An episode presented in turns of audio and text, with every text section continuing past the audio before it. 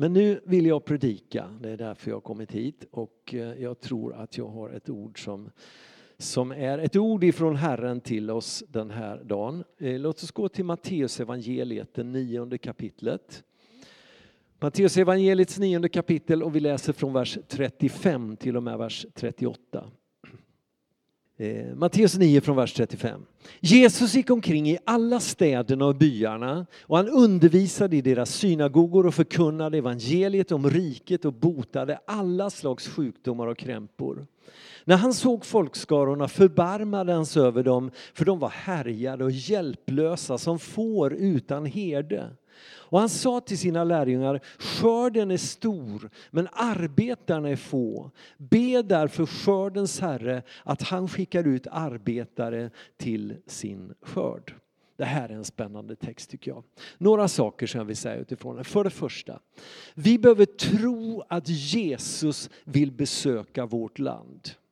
Vi behöver tro att Jesus vill besöka vårt land. I inledningen av den här texten så läser vi om att Jesus vandrar omkring i alla städerna och byarna. Han var intresserad av hela landet.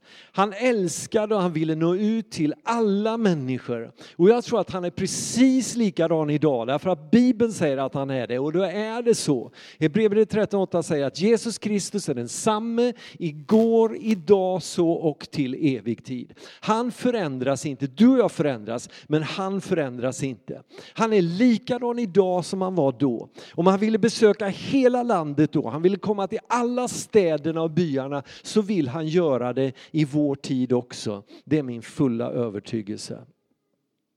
Och därför tror jag att vi ska våga tro att han vill besöka vårt land och röra sig runt omkring i alla städerna och byarna. Han är inte bara intresserad av städerna, han är intresserad av hela landet. Han vill röra vid hela landet. Men idag så gör han det genom sin kropp, församlingen. Han sitter på Faderns högra sida i den himmelska världen och ber för oss. Men vi är hans kropp. Vi är den kropp som han vill röra sig i och genom i den här tiden. Han vill upp, och därför vill han upp uppliva, tror jag, sin trötta och modfällda kropp. Därför att det är väldigt mycket trötthet och modfälldhet i Kristi kropp idag i vårt land. Men jag tror att Gud vill uppliva sin kropp. Han vill andas in sin livgivande ande i oss. Han vill pumpa in sin kärlek i våra hjärtan så att han sen kan älska den här världen genom sin kropp, församlingen. Därför att jag tror att ska vi nå den här världen, ska vi nå vårt land så ska vi älska människor till Jesus. Min fru hon säger hela tiden där, vi måste älska människor till Jesus. Och jag tror att det är så sant. Vi måste älska människor till Jesus. Och de ska förstå vem han är och de ska förstå att han älskar dem så måste de få känna det i och genom oss. Jag sa det på, på eftermiddagen här när vi talar ledarskap. Rick Warren han brukar säga så här, människor bryr sig inte hur mycket de bryr sig inte om hur mycket du vet, för de vet hur mycket du bryr dig om dem. Det är så sant. Va?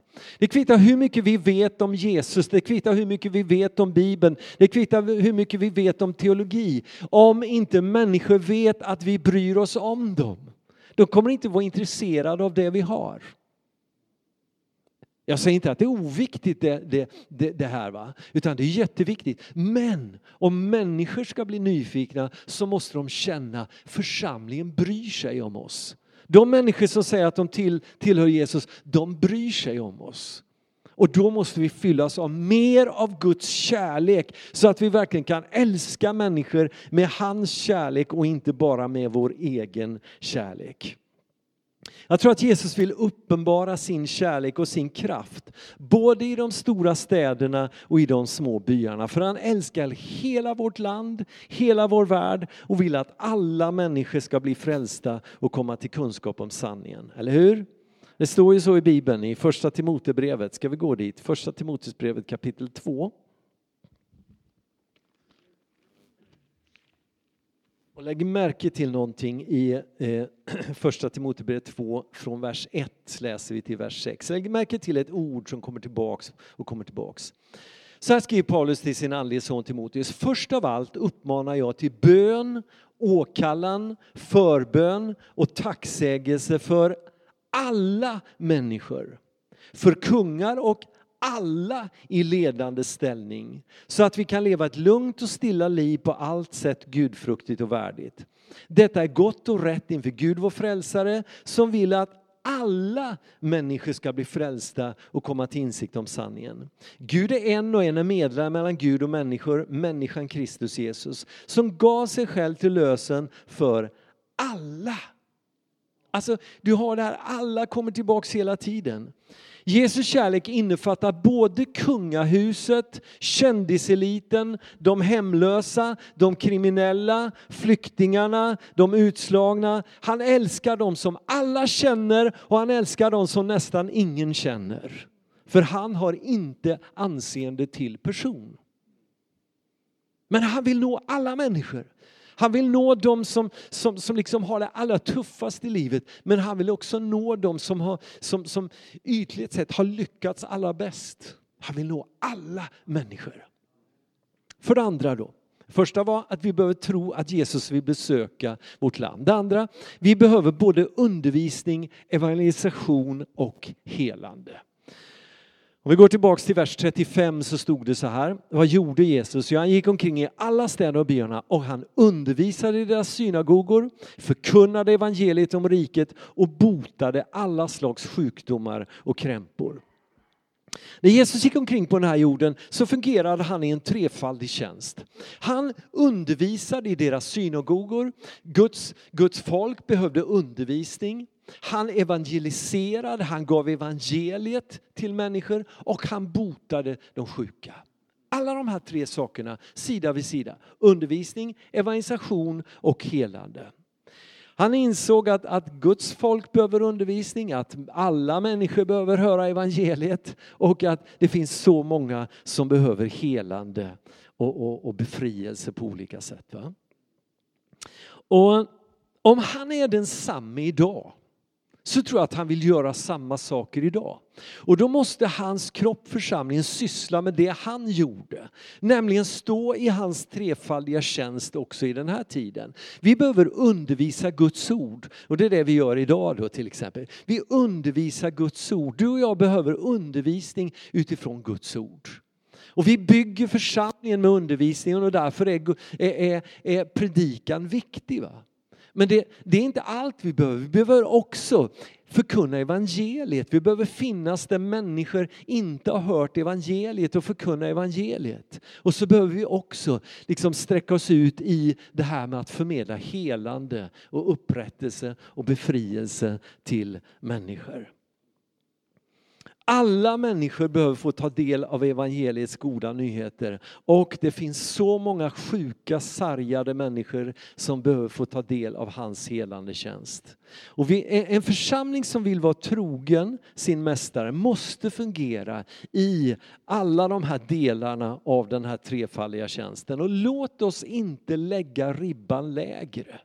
Vi kan fundera över varför ser vi inte fler människor komma till tro? Men vi får aldrig sluta evangelisera. Vi får aldrig sluta predika för människor.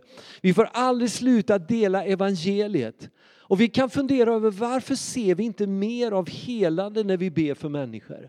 Det kan vi fundera över fram och tillbaka ett antal gånger. Men vi får aldrig sluta be för sjuka. Därför att när vi slutar be för sjuka då händer verkligen ingenting. Va? Och min erfarenhet är att ju mer vi ber för människor ju mer ser vi ske. Och vi har sagt att vi ska skapa en församlingskultur där vi ber för människor. Där vi inte bara tycker synd om människor när de är sjuka, utan vi ber konkret för dem. Så, så när en människa berättar, jag har ett behov på det här området, då ber vi. Ja, ser ni alltid de blir hela? Nej, det gör vi inte. Men vi tänker fortsätta be i alla fall, för vi tänker inte lägga ribban lägre. Vi tänker försöka sträcka oss efter den tjänsten, trefaldiga tjänst som Jesus stod i.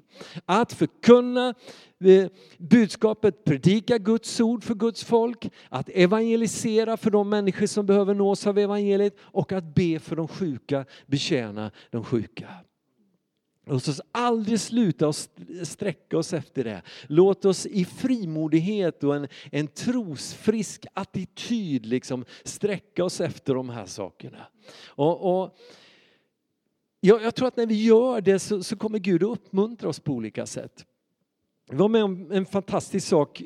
2016 så, så, så upplevde jag mig ledd sådär väldigt påtagligt av Gud att åka över till Los Angeles på en, en, en dag. Det var egentligen helt idiotiskt. Liksom. Jag åkte över för en dag till Los Angeles. För att vara med på en, en Dag av bön och tillbedjan på Olympiastadion i Los Angeles. Det var en eh, bedjare som hette Lou Engel som hade upplevt ett tilltal från Herren på 110-årsdagen av andeutgjutelsen på Azusa Street. Att samla bedjare och tillbedjare som under ett dygn skulle, skulle be och tillbe Herren. Be om en ny andeutgjutelse över världen och om ett, ett, ett, ett nytt uppvaknande i USA. Och eh, det var ungefär 65 000 människor som gensvarade. Så det var en jättespännande. Han, han gjorde det här på, på eget bevåg. Han satte in sitt eget hus som insats och hyrde hela Olympiastadion. Eh, men, men fyllde också med, med mängder av människor. Det var en fantastisk dag. Eh, så kom jag hem och, och, och, jag kände söndagen efter när jag skulle predika, jag var ju tvungen att säga någonting om det här, hur det hade varit. Och, du vet, ord blir väldigt eh, eh liksom, tomma när man ska försöka beskriva någonting man har varit med om. Så jag valde att visa ett klipp istället ifrån den där dagen. Några minuter av ett, ett klipp från vad som hände den där dagen. Och, och, när vi visar det här klippet så upplever vi bara nu kommer Guds ande. Ibland kan man känna sådär på att nu kommer Gud här. Så vi bjöd in människor till förbön och eh, vi började be för människor. Och då kommer en av våra församlingsledare som heter Fredrik Larsson, han kom fram och så säger han till mig så här, du, du, jag upplever att Gud vill hela någon som har vattenskalle. Jag vet knappt vad det är, sa han, men, men kan, kan, jag säga det? Så här, Visst, jag, shoot. Så han går fram och så säger jag tror att det finns några här som har vattenskalle som, som, som Gud vill hela. Då står det en kvinna som redan har gått fram till böneplatsen, som är född med vattenskalle. Hon säger så här till sin förebedjare, hör du han beskriver mig nu? Så vi går bort och ber för den här kvinnan. Hon var född med vattenskalle och hon hade med, med tiden utvecklat väldigt svåra kramper. Så hon hade väldigt svåra dagliga kramper, hade tillsyn fyra gånger om dagen av hemtjänsten. När vi ber en enkel bön i namnet Jesus så finns det kraft i namnet Jesus. Va?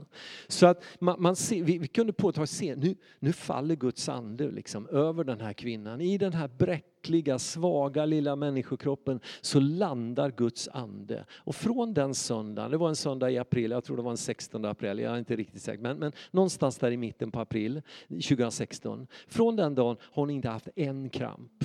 Hon hade dagliga kramper, svåra kramper. Hon har inte haft en kramp. Hon har försökt provocera fram kramper. Hon har ställt sig och tittat in i, i, i, i, i lysrör så här. För starkt ljus det utlöste alltid, alltid kramper. Hon får inga kramper. Hon kunde säga upp hemtjänsten. Så vi blev av med en vårdtagare och, och, och, och, så min fru hon frågade kommunen, finns det några ersättning man kan få om man, om man, någon bonus man kan få om man har patienter eller vårdtagare som inte behöver hjälp längre? Ja, vadå som? Så fick hon berätta det här. Eh, Gud är fantastisk. Varför sker det inte alltid? Ingen aning. Jag är lika frustrerad som du. Men jag tänker inte ge upp och be. För jag ser att Gud, Gud agerar, Gud handlar och ju mer vi ber, ju fler vi ber för, ju mer kommer vi att se ske.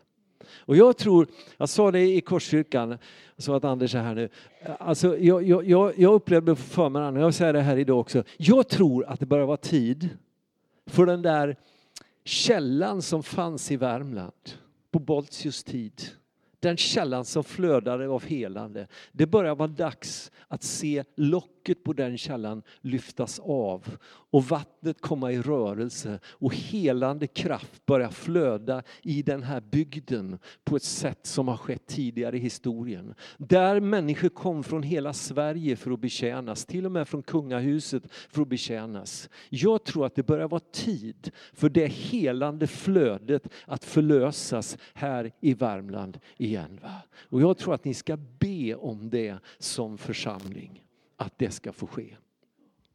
Så låt inte dina negativa erfarenheter på det här området, besvikelser där det inte har hänt, låt inte det få hindra dig att fortsätta be för behövande människor.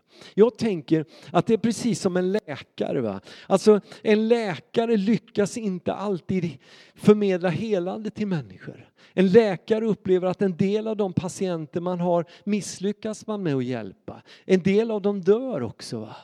Men man slutar inte som läkare för det. Vi behöver inte sluta be för människor även om vi inte alltid ser dem bli helade. Även om vi ser att en del av dem vi ber för, de, de dör. Vi skulle önska en annan utgång, men vi kan fortsätta i alla fall. Och precis som en läkare som försöker utveckla liksom, och hitta svar och lösningar för att bättre kunna hjälpa människor, så kan vi göra det som församling. Sträcka oss ut efter mer av Gud på det här området. Skulle du vilja se det?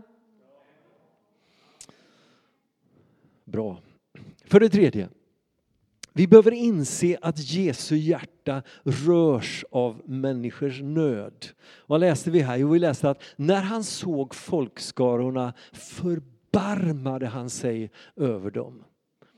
Ordet förbarmades över dem är det starkaste uttrycket som vi har i grekiskan för medkänsla. Det betyder egentligen inälvor och betecknar någonting djupt och äkta som ligger långt där inne. Liksom, va? Jesus kände med människor. I evangelierna kan vi tydligt se att Jesus ömkades över sjuka, lidande, sörjande, hungrande, bundna, ensamma och vilsna människor. Och han är likadan idag. Han förbarmades över dem för de var härjade och hjälplösa som får utan herde, står det.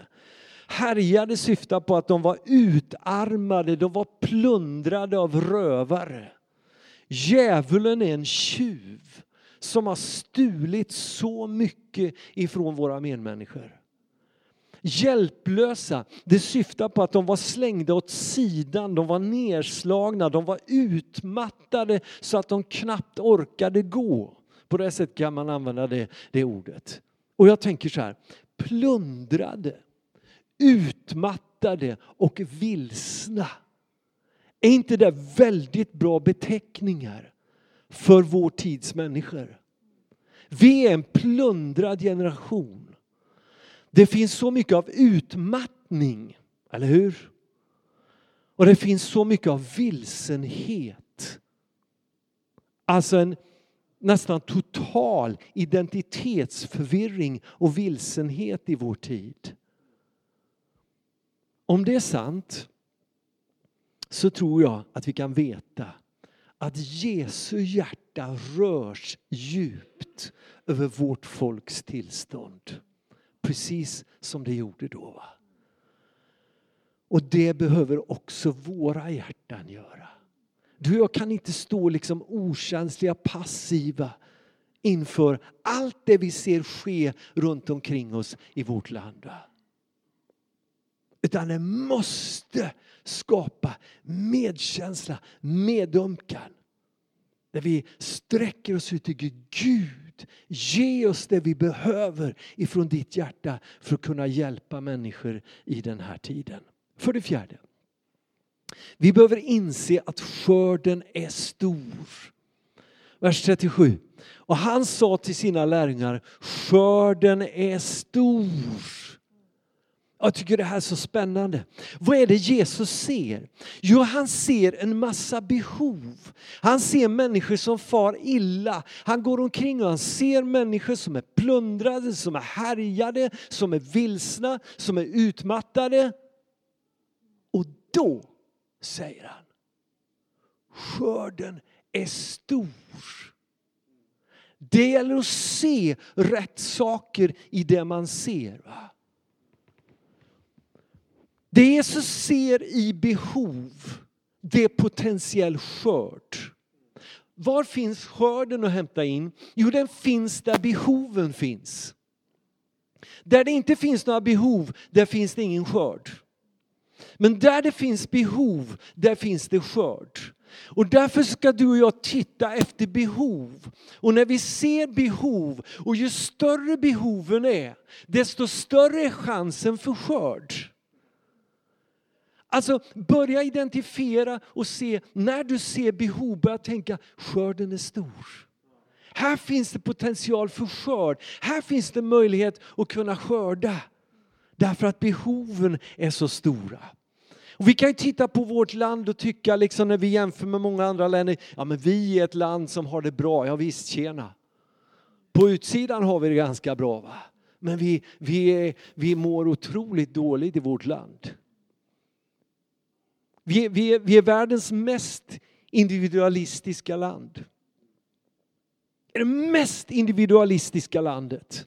Jag läste om Storbritannien. Storbritannien har som första land i världen inrättat en ensamhetsminister. Därför att man har sett att behoven är så enormt stora på det här området. Människor är så ensamma. Man har gjort undersökningar i England som visar att eh, hälften av de människor som är över 75 år beskriver sig själva som kroniskt ensamma. Hörde du det? Över hälften av de människor i Storbritannien som är över 75 år kallar sig själva för kroniskt ensamma. Om det är så i Storbritannien, då kan jag lova dig att situationen är ännu värre i Sverige. Därför att om vi är det mest individualistiska landet så är vi också det land som lider mest brist på gemenskap. Och vet du vilken grupp, vilken åldersgrupp i Storbritannien som upplever sig själv mest ensam? Jo, det är de mellan 16 och 24 år. Man är uppladdad på nätet mot hela världen. Aldrig har världen varit så nära oss på ett sätt. Och samtidigt upplever man sig så ensam. Och då känner jag så här. Om, om ensamhet är ett extremt behov i Sverige då finns det en stor skörd. Då finns det en stor skörd. Och den församling som erbjuder gemenskap till ensamma människor kommer att växa så det knakar. Det behövs ingen profet för att förutsäga det. Den församling som erbjuder gemenskap till ensamma människor kommer att växa så det knakar. Vi har ett annat behov. Den psykiska ohälsan i den unga generationen inte minst då. Som är nästan olidlig liksom när man kommer in, in, in på livet. Var nästan, det är nästan mer regel än undantag att unga människor mår dåligt idag. Hörde om en, en, en ung människa som, som har börjat må dåligt nu därför att den mår bra och alla andra runt omkring en mår dåligt. Och då mår man dåligt för att man mår bra. Och det här är också smittsamt. Jag pratade med en, en, en skolsköterska som sa från början av terminen var det en av ungdomarna som mådde dåligt. I slutet var, mådde alla dåligt. Därför att det här smittar. Men psykisk ohälsa smittar också. Så funkar det. Vad, vad, kan vi se? Ja, antingen blir vi bara uppgivna inför det här. Det här är ett gigantiskt problem som vi står inför i vårt land. Och antingen blir vi bara uppgivna eller också tänker vi så här. Skörden är stor. Wow, vilken skörd det finns här. Och det här borde vara, det här borde vara församlingens arena liksom. Att kunna erbjuda gemenskap och kunna erbjuda helande, läkedom. Det borde vara församlingens arena. Skörden är stor. Om vi är på plats och gör det vi ska göra. Och den församling som fungerar på de här områdena har ett svar att komma med på de här områdena. Kommer att ha problem att hitta nog stora lokaler för att kunna rymma alla människor som kommer att komma. Det är min absoluta övertygelse. Det finns en, en enormt stor skörd som kommer att kunna bärgas in i det här landet för Guds rike om vi är där vi, vi ska vara och gör det vi ska göra. Och någonting håller på att ske i vårt land. Jag pratade med Sebbe Staxet här för lite sedan och då berättade han om, om en, en, eh, att en av de absolut mest kriminella personerna i, i Stockholm har kommit till tro nu. Och så en till eh, i samma, samma kaliber sa han, som också har kommit till tro. Och nu, nu börjar det bli lite, lite så här, folk bara undrar vad det är som händer. Så det var en som ringde mig för ett tag sedan och sa brorsan vad är det du håller på med? Nu har han blivit kristen och så har han blivit kristen också. Vad är det, vad är det du håller på med? Vad ska du ha dem till? sa han. Och då svarade jag honom så här, sa han, det är de som ska köra flyttbussen när vi plundrar helvetet. Det är bra. Vi ska plundra helvetet och så ska vi befolka himlen. Och vi ska göra det i Sverige också. Inte bara i andra delar av världen. Det kan ske i Sverige också. Och det kan till och med ske i Karlstad.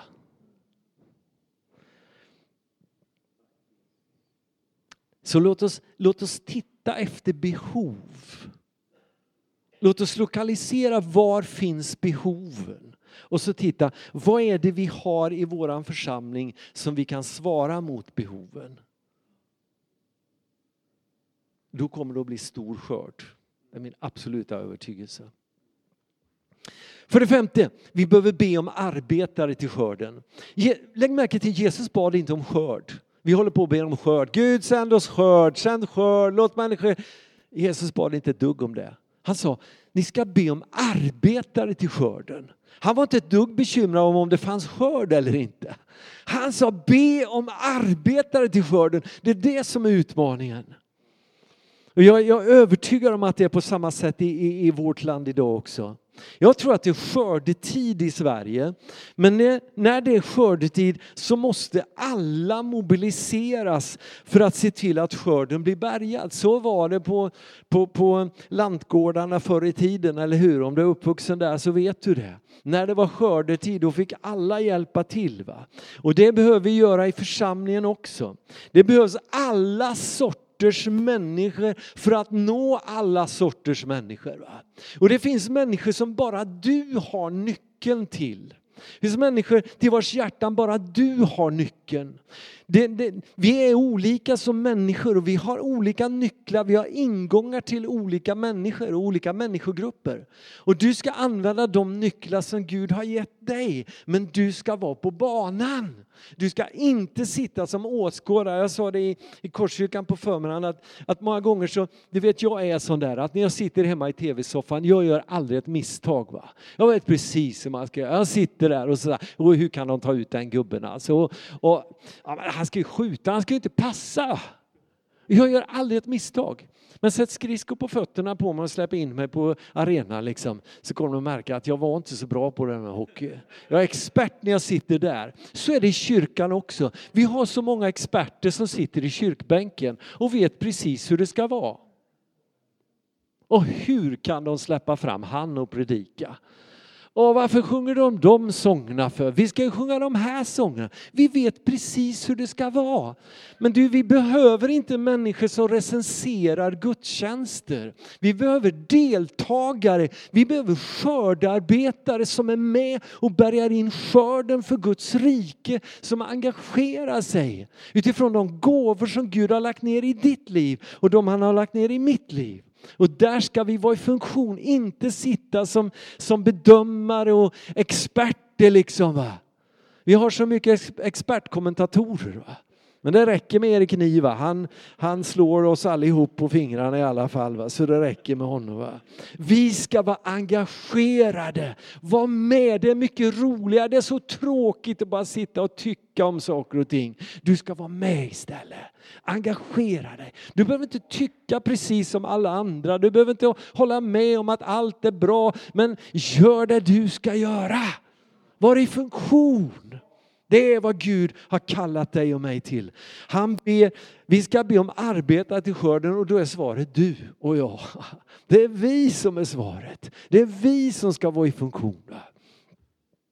Och vi behöver en stor mönstring av skördarbetare. Jag tänkte att i avslutningen av den här gudstjänsten så ska vi, du som känner så här, jag vill överlåta mig på ett förnyat sätt till att bli en skördarbetare. Du ska få komma fram så ska vi smörja dig enkelt med olja och, och, och, och be om att du ska få fungera som en skördarbetare i den här tiden. Men innan vi gör det, ett par saker till. För det sjätte, vi behöver inse att skördetiden kan vara nu. Jesus säger så här i Johannes 4 om vi går dit, att eh, från vers 35 så säger han så här. Säger ni inte fyra månader till, sen kommer skörden. Men jag säger er, lyft blicken och se hur fälten har vitnat i skörd. Redan nu får den som skördar sin lön. Han samlar in frukt till evigt liv så att den som sår och den som skördar får glädja sig tillsammans. Här stämmer ordet att en sår och en annan skördar. Jag har sänt er att skörda där ni inte arbetat, andra har arbetat och ni har gått in i deras arbete. Du vet, Jesu lärjungar har genom hela historien haft samma problem. Vi skjuter skörden på framtiden. Oh ja, skörden kommer om fyra månader. Om fyra månader. Och när fyra månader har gått så om fyra månader så tror vi att det kommer att bli skörd. Ja, det kommer skörd, men inte just nu. Inte just nu, men snart. Snart kommer det. Snart kommer det. Så håller vi på och skjuter skörden på framtiden och vi tänker, vi har, vi har sån tro för skörd i framtiden. Men problemet är att vi måste ha tro för skörd nu. Vi måste våga tro, redan nu finns det människor som kan vinnas för Guds rike. Redan nu. Jag hade en kille som kom till kyrkan söndagen före jul. Det var första gången han var, han var i kyrkan, 25 år gammal. Eh, eh, haft en väldigt negativ inställning till tron och så här. Men så började han må dåligt, fick kontakt med en ung kristen tjej i vår församling. Hon vittnade för honom, tog med honom i kyrkan. Han kommer till kyrkan 22 december, söndagen före jul, blir frälst. Första gudstjänsten blev han frälst. Andra söndagen, söndagen efter jul så han där, då predikar jag om dop bland annat och han bestämde sig för att jag ska döpas. Så tredje gången han är där, det var nu förra söndagen, då fick vi döpa honom. Och du vet, det, det, det, han kommer från ett sammanhang där det inte alls är liksom Jesus och så här, va? inte alls, det är helt andra saker. Va? Men, men, men, men Jesus älskar honom. Och han insåg, jag behöver Jesus. Och han mötte Jesus och när vi gick ut ur dopgraven så frågade hur känns det nu? Hur känns det nu Martin? Så, det känns bra, sa han. Jag känner mig så ren, sa han. Men Jesus har det där som människor behöver. Och du och jag ska fungera. Och det finns redan nu människor som är mogna. Karin sprang på en kvinna här, häromdagen, min fru alltså, hon sprang på en kvinna som nu jobbar i vår hemtjänst. Hon har varit kristen i 14 månader. Hon eh, satt fast i ett svårt heroinmissbruk. Hon, hon eh, miste vårdnaden om sitt barn och, och, och eh, höll på med, med all möjlig an, eh, andlighet. Hon sysslade med spiritism och allt möjligt liksom, och mådde bara sämre och sämre och sämre. De fosterföräldrar som tar hand om hennes barn inser hur dåligt de mår så de börjar be för henne. Ta med henne på en samling, hon får höra om Jesus. De frågar, får vi be för dig? Ja det får, vi, får ni. Så. För hon kände att hon mådde bra av det här. Så de bad för henne och så frågade hon, vill du bli frälst? Nej, sa hon. Jag vill inte bli någon halleluja-kristen. Men hon får med sig en bok hem. Och så läser hon den boken och känner, det är det här jag behöver. Så när hon kommer till sista sidan i boken så finns det en frälsningsbön. Så hon ber den frälsningsbönen i sin ensamhet. Från den stunden är hon fri. Inte minsta sug efter heroinmissbruk, inte minsta sug. Hon är fri. Nu har hon 20 unga kvinnor i Jönköping som hon lärjungatränar efter 14 månader. Och jag känner bara, hur många av våra församlingar har 20 nyfrälsta som vi håller på att lärjungaträna just nu? Det finns en stor skörd redan nu. Redan nu. Men vi måste vara, det behövs arbetare till skörden. Inte recensenter av gudstjänster och så här, utan arbetare till skörden. Det är vad vi behöver. Och du ska vara en av dem. Och jag får av nåd vara en av dem. Gud vill använda dig. Och vi får gå in och skörda där andra arbetat, andra har sått, andra har bett, andra har vattnat. Men vi kan få skörda i den här tiden och det ska också hålla oss ödmjuka. Våga tro att det är skördetid i Sverige nu. Låt mig bara få läsa ett bibelord till som jag vill få med som, som jag tror är viktigt. Andra Kungaboken 4. Eh, är det okej okay att jag tar det också? Bara ett par minuter. Andra Kungaboken 4, från vers 1. En kvinna som var hustru till en av profetlärjungarna ropade till Elisa, min man, din tjänare har dött. Du vet att, att din tjänare fruktade Herren. Nu kommer hans fordringsägare och vill ta mina båda söner till slavar. Elisa sa till henne, vad kan jag göra för dig? Säg mig, vad har du hemma? Hon sa, din tjänarinna har inget annat hemma än en flaska olja. Då sa han, gå och låna kärl av alla dina grannar, tomma kärl men inte för få. Gå sedan in och stäng igen dörren om dig och dina söner och häll olja i alla kärlen. När ett kärl är fullt så flytta det. Då gick hon in, in ifrån honom. Sedan hon hade stängt igen dörren om sig och sina söner bar de fram kärlen till henne och hon hällde i av oljan. När kärlen var fulla sa hon till en av sina söner, ge mig ett kärl till. Men han svarade henne, det finns inget mer kärl. Då stannade oljeflödet. Det kanske är mycket som har dött i ditt liv. Den här kvinnan var det så hennes man hade dött. Det kan vara mycket som har dött i ditt och mitt liv. Du kanske själv befinner dig i tuffa omständigheter just nu. Du kanske inte tycker att du har så mycket att komma med i dig själv. Men när du ger det som du har så kommer du få se att det räcker för att andra människokärl som är tomma ska kunna fyllas. Och det vi har fått av Gud som gåva, det ska vi ge vidare. Och det som är viktigt, det är att du och jag ser till att det finns tomma kärl runt omkring oss. Det varje församling måste se till, det är att det finns tomma kärl. Därför att den dagen när det inte finns några tomma kärl ibland oss, då upphör flödet. När det inte finns längre några människor som behöver Jesus, när det inte finns några som har behov av frälsning och upprättelse och helande, så upphör flödet. Och därför är vår uppgift att se till att vi rör oss i sammanhang där det finns människor som är tomma kärl. Människor som behöver Jesus. Du kan inte bara röra dig bland människor som, som bara är kristna. Va? Utan du och jag måste röra oss bland människor som inte har, har, har fått sina kärl fyllda. Va? Och när vi då ger det lilla vi har så kommer du att märka det kommer att vara så attraktivt för människor som inte har någonting. Va?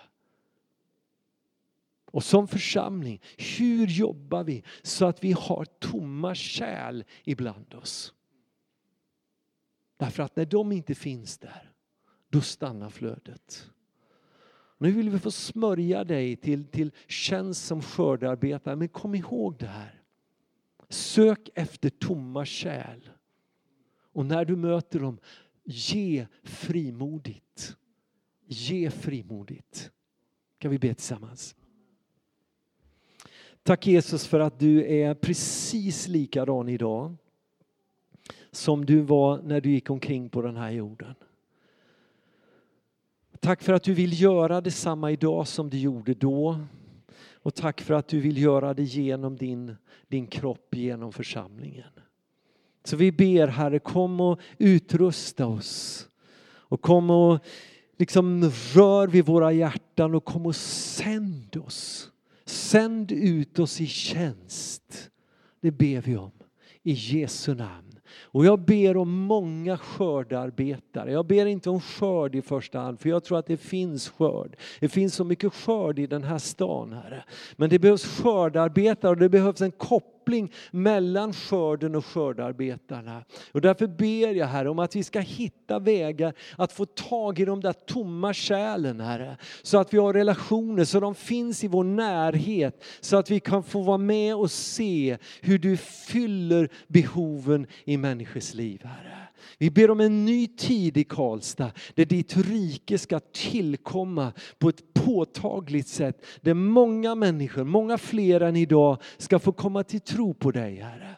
Och så vill jag också be Herre, jag vill be konkret om att det där locket locket som ligger över den där helande källan som flödade under Boltius dagar på något sätt ska få lyftas av i den här tiden och att helande strömmar ska börja skölja fram över det här området i vårt land, Herre. Och vi ber, jag ber om att det ska få bli till välsignelse för hela landet. Det ska ske någonting i den här bygden som ska få bli, på det här området, som ska få bli till välsignelse för hela vårt land.